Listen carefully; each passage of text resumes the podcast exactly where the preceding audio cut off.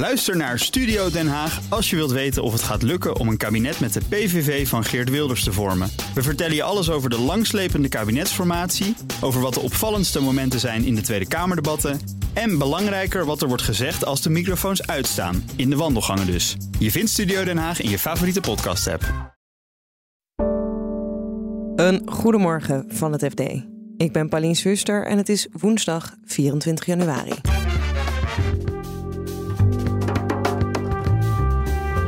De medicijntekorten in Nederland lopen op. En het gaat ook om uh, tetanusvaccin. Dus ja, je moet voorkomen dat je gebeten wordt door een hond. Want je loopt het risico dat als je in het ziekenhuis komt, dat er pas volgende week een tetanusprik is.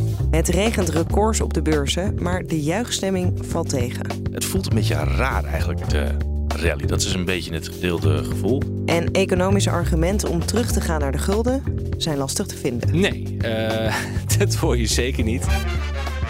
Dit is de dagkoers van het FD.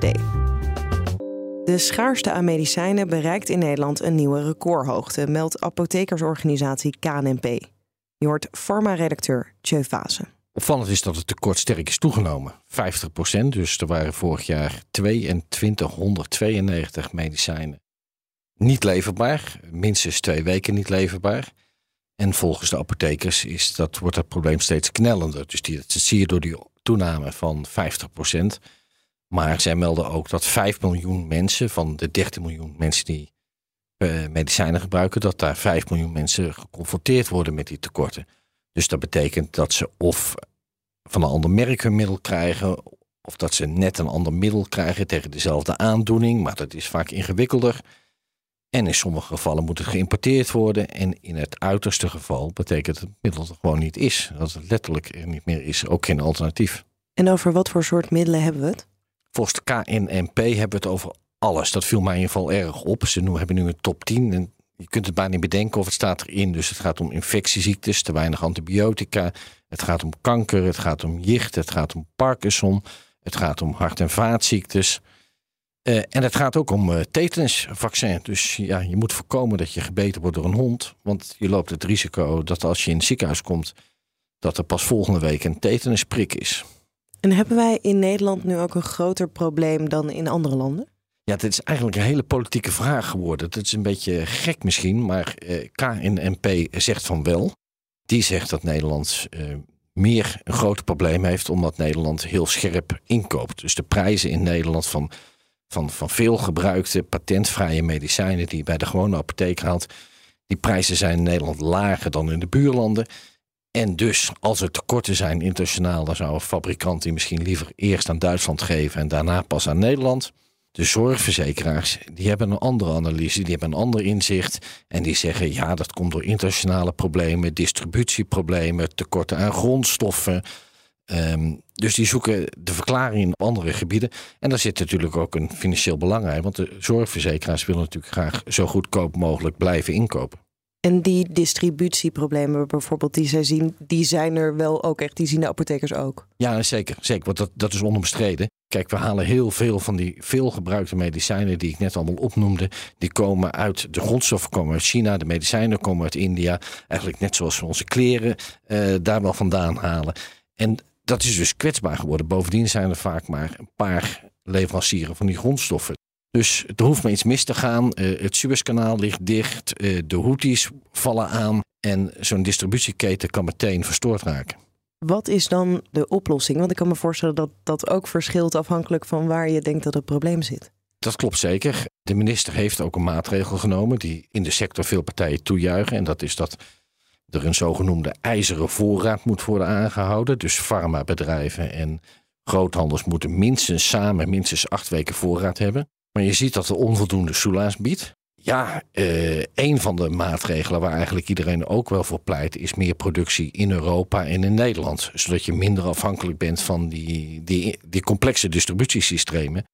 Dat je dus niet meer eh, de Houthis of andere partijen dat de levering van medicijnen niet meer in de wacht kunnen sturen. Maar dan gaat de prijs denk ik wel omhoog.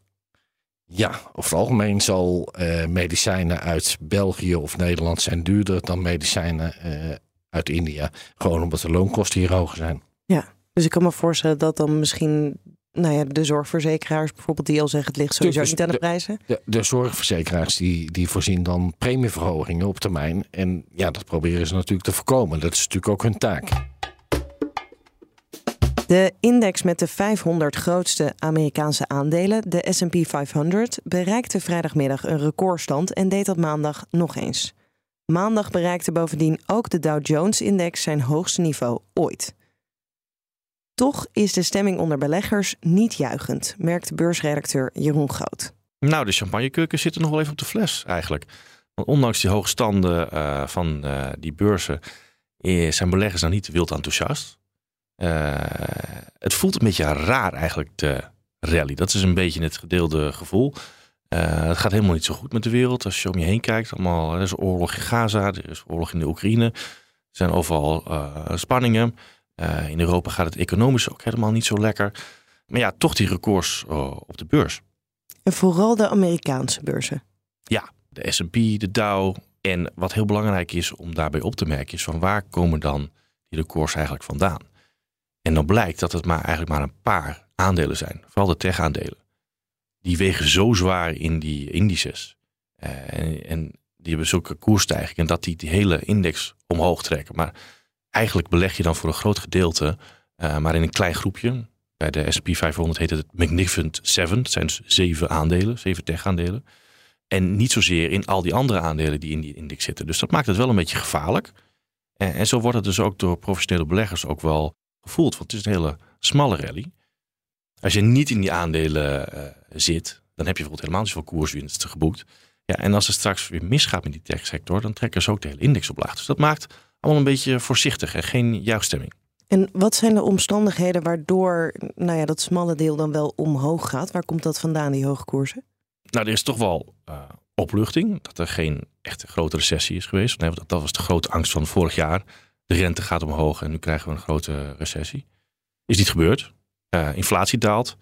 De verwachting is ook dat die rente weer gaat dalen. Dat centrale eh, banken de rente omlaag zullen gooien. Dat is altijd goed voor aandelen. Een lagere stand van de, de rente. Dat gaat over de winsten in de toekomst. Eh, eh, die worden dan meer waard.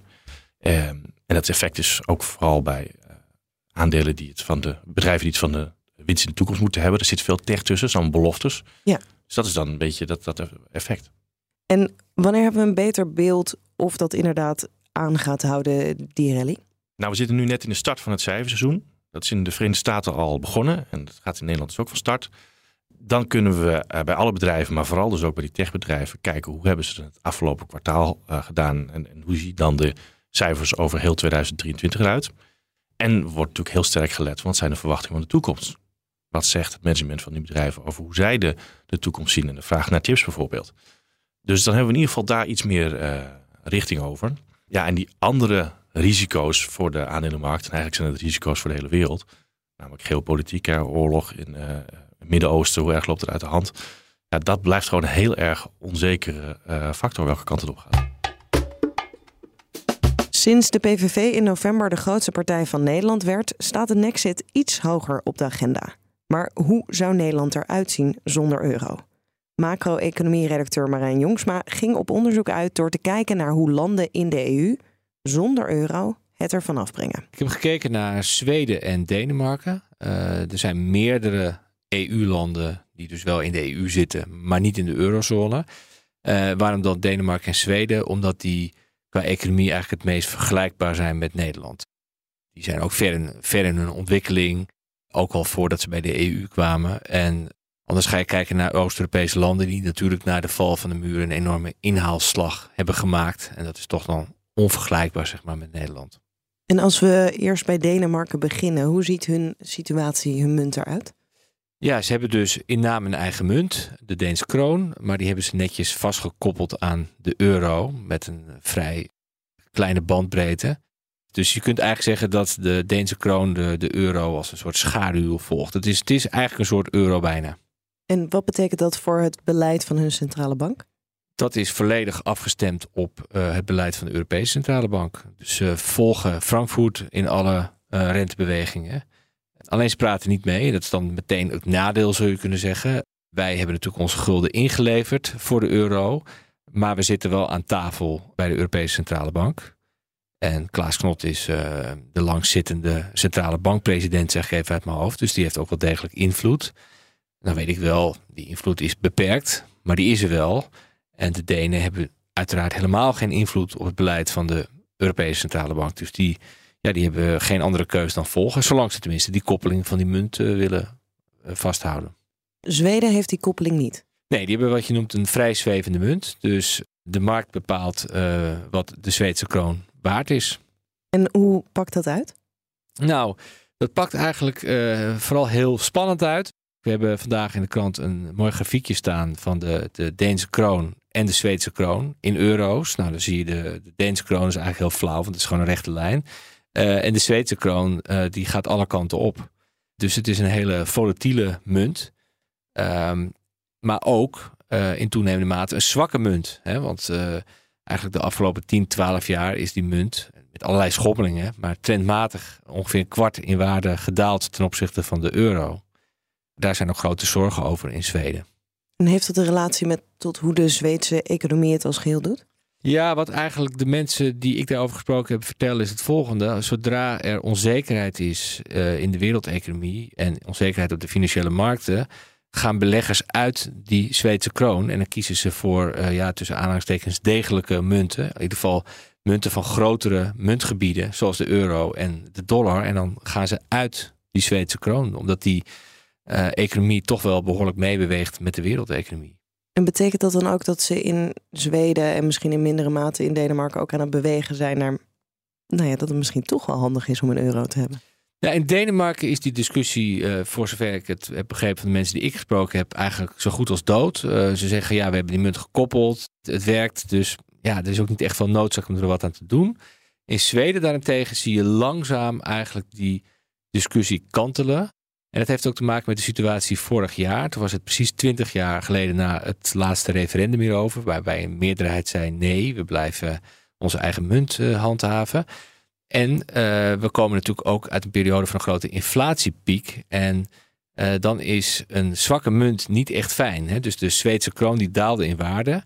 Wereldwijd nam de inflatie toe. En als je dan een zwakke munt hebt, dat betekent dat je geïmporteerde energie bijvoorbeeld, en je geïmporteerde halffabrikaten, et cetera, die in prijs stijgen, nog een keer duurder worden omdat jouw munt zwakker is. Dus je wordt eigenlijk dubbel gestraft in die inflatorenperiode. Ik hoor eigenlijk nog niet een economisch argument om toch terug te keren naar de gulden. Nee, uh, dat hoor je zeker niet. Ik denk, uh, uh, en dat was natuurlijk een beetje het idee achter dit verhaal. Wat nu als we de gulden nog hadden gehad? Nou, dan hadden we dus ofwel misschien die Zweedse situatie gehad, waarbij je munt steeds minder relevant wordt, ofwel de Deense situatie, waarbij het eigenlijk niet uitmaakt. En let wel, dat was de situatie in Nederland voor de eurozone. Want toen hadden we onze munt netjes gekoppeld aan de Duitse markt. Uh, de discussie natuurlijk die over een vertrek uit de eurozone bestaat, is nog een heel andere. Want ja, dat betekent dus dat je afscheid neemt van de euro en de gulden gaat herintroduceren. Nou, dat is weer een heel. Daar kun je nog tien andere podcasts uh, aan wijden. Maar dat is enorm ingrijpend.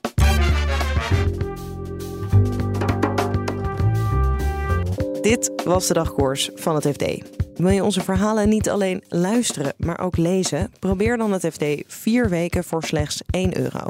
Ga naar fd.nl/slash dagkoers en meld je aan. Morgenochtend zijn we er weer met een nieuwe aflevering. Nog een hele fijne dag en graag tot morgen.